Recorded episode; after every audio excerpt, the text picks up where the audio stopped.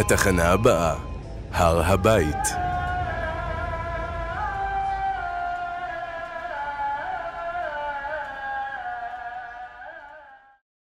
שלום וברוכים הבאים לתחנה הבאה בזמן.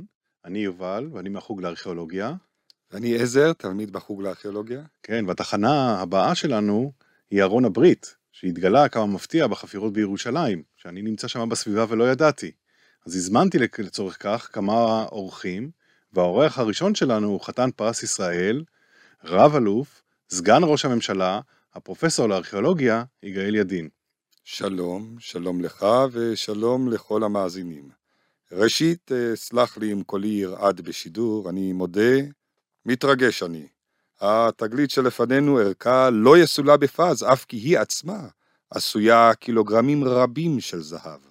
לא אגזים אם אומר כי הגביע הקדוש של חקר עם ישראל נגלה לנו בימינו אנו. זו בעצם אחת מתוך שרשרת תגליות בנות זמננו הקשורות להיסטוריה של ישראל ולחיבור של עם ישראל וארץ ישראל. אין ספק. אני אישית הקדשתי את חיי לתקומת העם והמולדת. לחמתי מגיל צעיר להגשמת החלום של הקמת מדינת ישראל לעם ישראל. מציאת ארון הברית בירושלים בירתנו היא התגשמות כל התקוות. כמה שפחות תקוות כן ייטב לכולנו. סליחה? מה שייך לכאן חלומות ותקוות? אתם עושים מדע או שירה? אה, אני שמח שאתה כאן, פרופסור בינפורד, ואני שמח על כל מתודה מחקרית וכל שיתוף פעולה אינטרדיסציפלינרי שאתה מביא עמך. כולנו נשכרים מהרוח הרעננה והחדשנית שאתה ושותפיך מפיחים בארכיאולוגיה.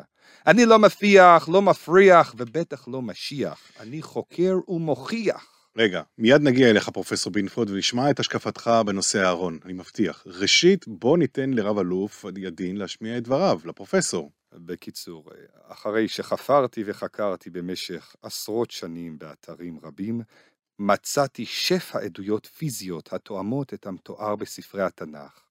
תגלית זו של ארון הברית הישראלי היא בבחינת צליל שמימי, שמימי, אקורד סיום מושלם למפעל חיי. תסביר. ובכן, הארון שנמצא תואם את המתואר בתנ"ך ובספרים החיצוניים, צורתו, הרכבו, מידותיו, דומים דמיון מזהיר למפורט במקורותינו. זה לא משנה לי, אני כופר בכל השיח הזה כולו, כי הוא, הוא מפספס את התפקיד האמיתי של הארכיאולוגיה. אבל לא חסר לכם שם בכל ההתרגשות הזאת איזה לוח או שניים בתוך הארון? אמת, אמת בינפורד, נכון לרגע זה, טרם אותרו לוחות הברית, אשר ניתן לצפות, אה, ל- למצוא בתוך הארון. ייתכן שנשדדו מזמן, ייתכן ושימשו שימוש משני בידי עמים שהתוכן והחשיבות של לוחות האבן זרים להם, וייתכן שעוד נמצא גם את לוחות הברית. אשר לממצא שכן נמצא, רוחבו 79 סנטימטרים כמו גם עומקו, וגובהו 131 סנטימטרים. כלי קיבול מלבני, עשוי עץ ומצופה מתכת. הממצא עדיין בבדיקה, ולא נרצה למסור חצאי עדכונים, אבל בסבירות גבוהה מדובר בעץ שיטה מצופה בזהב. אנו ממתינים לבדיקות פחמן 14 לתארך את העץ, אך בעניין נוסף כבר נפוצו שמועות ואני אתייחס לנושא. לא, לא נמצאה חריטה בצידו הפנימי של הארון עם השם בצלאל בן אורי בן חור. זוהי שמועה שקרית. ומה תוכל לעדכן אותנו לגבי מקום מציאת הארון? ובכן, לפעמים הדברים הפשוטים ביותר הם הנכונים ביותר. על פי דעתו של רבי יהודה במסכת יומא, ארון הברית נותר במקומו, בקודש הקודשים, ורק נטמן במחילות תת-קרקעיות המצויות תחתיו. כך כתב גם הרמב"ם, בית הבחירה ד' א', ובעת שבנה שלמה את הבית וידע שסופו לחרב, בנה בו מקום לגנוז בו את הארון למטה, במטמוניות עמוקות ועקלקלות, ויאשיהו המלך ציווה וגנז אותו במקום שבנה שלמה. הכרנו גם את הדיווחים משלהי התקופה העות'מאנית של מהנדס העיר ירושלים במאה ה-19, ארמטה פיורטי, איטלקי בן מודנה, אשר היה גם ארכיאולוג ומהנדס, על כך שמחילות כאלו אכן מצויות מתחת לאבן השתייה שבכיפת הסלע. מתחת לסלע, בפסגת הר הבית, חצובה מערה, ופיירוטי דיווח כי ברצפת המערה קיים בור עמוק, המכונה בפי המוסלמים בור הרוחות. בנוסף, מקום מציאת הארון תואם את הנזכר בספרות ישראל, בספר מכבים, פרק ב', פסוקים ד' עד י', ובספר דברי הימים. פרופסור בינפורד, אנא ממך, משפט סיום של ידין, ואני מגיע להבין את הגישה שלך. חופר וחופר, המון היסטוריה ותוכחה, מעט מדי מדע והוכחה. אם כן, רגע, לסיכום, הפרופסור רב-אלוף ידין, האם הממצא החדש עולה בקנה אחד עם מחקרך עד כה בתחום כניסת בני ישראל לארץ ישראל? הנה, זה עתה. התפרסם, הנה, זה עתה התפרסם מאמרי שכותרתו אספקטים צבאיים וארכיאולוגיים בתיאור כיבוש הארץ בספר יהושע. במאמר השקפתי על הנושא בעיקר מן ההיבט הצבאי ומן ההיבט הארכיאולוגי. העובדות הן שבכל עיר כנענית שנחפרה עד כה באופן יסודי, ומפאת קוצר הזמן נתייחס בהזדמנות אחרת להעי וליריחו, אנו רואים תופעה שאינה שנויה במחלוקת. עיר כנענית, בעלת תרבות, עיר מבצר, עיר של מקדשים, ולא חשוב אם זו לכיש, או בית אל, או חצור, פוסקת לפתע מלגלות סימני חיים. עובדה היא שהערים הכנעניות הנ"ל חרבו כולן בתקופה אחת מבחינה ארכיאולוגית. ערים אלה נהרסות, נשרפות ואינן חוזרות ונבנות על ידי יושביהן, ואם כן, היא קמה רק בצורה עלובה ודלה. עובדה זו אינה שנויה במחלוקת. לכיש, דביר, בית אל, חצור, כל הערים הללו חרבו בבת אחת בתוך תחומי זמן כמעט אבסולוטיים, וניתן להניח כמעט בביטחון כי הדבר אירע בין 1230 ל-1250 לפני הספירה. תשמע, על כך עוד יתווכחו רבות, רואים שאתה משקף את גישתך, גישת ידין ואולברייט, שזה היה הרס חד פעמי, והוא מעשה ידיהם של שבטי ישראל. אמת.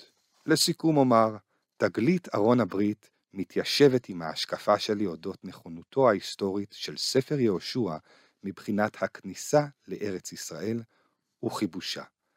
בתנ"ך בכלל, ובספר יהושע וספר שמות, ממלא הארון תפקיד משמעותי בתהליכים פורמטיביים שעובר עם ישראל במדבר ובארץ ישראל.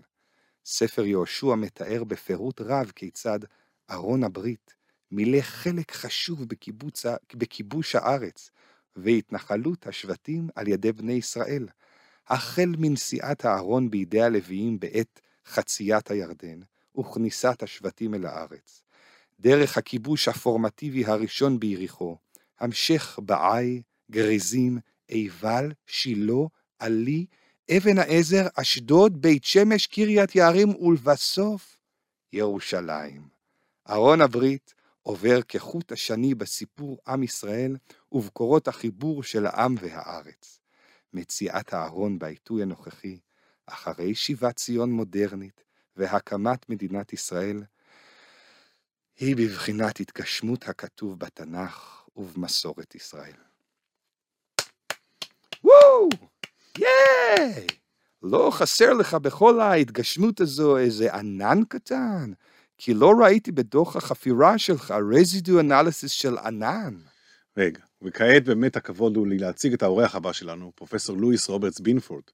פרופסור בינפורד נחשב על ידי רבים כדמות המשפיעה ביותר על הארכיאולוגיה של המחצית השנייה של המאה ה-20. בשנות ה-60 הציג בינפורד את הארכיאולוגיה התהליכית, המכונה אז כונתה הארכיאולוגיה החדשה, עבר כבר זמן, וביקורת חסרת תקדים על הדור הקודם של הארכיאולוגים. רבים מסכימים עם בינפורד, רבים חולקים עליו, מעטים נשארו אדישים אליו. פרופסור בינפורד זכה בפרס האקדמיה הלאומית למדעים, תודה שהסכמת להקדיש לנו היום מזמנך ולהגיע לארץ ישראל, משהו שלא כך עניין אותך. נכון. אה, שלום, שלום רב. לאחר ששמענו את הגישה הדינוזאורית לעניין זה, הבה נתייחס לממצא שלפנינו על פי הפרשנות שלי ושל ארכיאולוגים ברי דעת בני דורי. ראשית, אבהיר כי בניגוד לקודמי, אני ממש לא מתרגש מכל ה-so called ארון הברית הזה. מה ברית? איזה ברית? ברית הקשקשנים. רגע, רגע, הזמנו אותך כאן כדי לדבר על הארון, אוקיי? לא מעניין אותי ארון, אותי מעניינת השיטה שמאחורי הארון. אשתמש, ב... אשתמש בארון לכאורה שלפנינו כדי לנסות ולקבל מושג מהו המבנה אליו הוא היה שייך. מהי המערכת הכללית שמאחוריו. קודם כל, אה, יסלח לי קודמי בעל המשאלות, נתכבד ונדבר על העובדות. לפנינו כלי עשוי עץ ומצפה מתכת במידות 79 על 79 על 131 סנטימטרים, משקלו טרם פורסם. על פי תוצאה ראשונית של בדיקות מעבדה, הארון נוצק מזהב טהור, שהשגתו דורשת השקעה רבה, השקעה רבה מאוד. על הארון שתי דמויות אשר ניתן לכנות מלאכים, שפיסולן דרש בעל מלאכה, שהתמחה בפיסול זה. מעבר לזה, נציין שהפריט נמצא באתר ובשכבה המזוהים עם ההתיישבות העירונית מתקופת הברזל.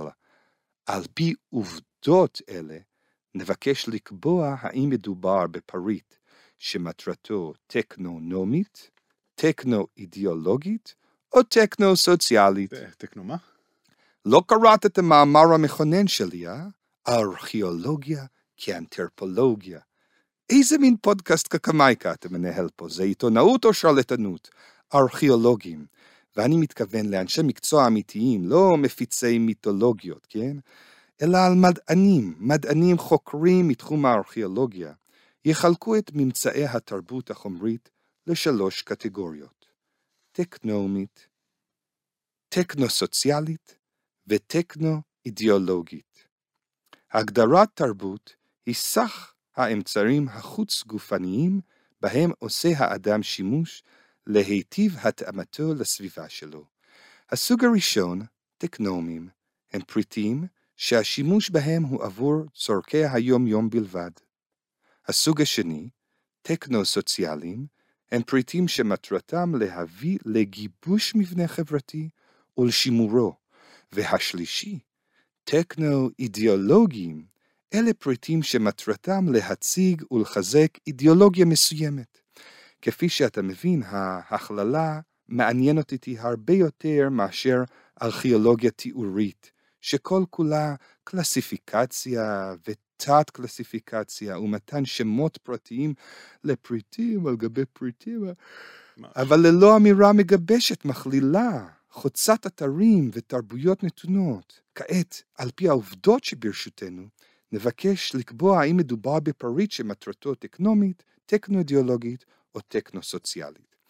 הכלל הוא שפריט, ובמקרה הזה ארון הברית, מצריך השקעה רבה הוא פריט שיוצרו מעט מסוגו, ועל כן ייחודי.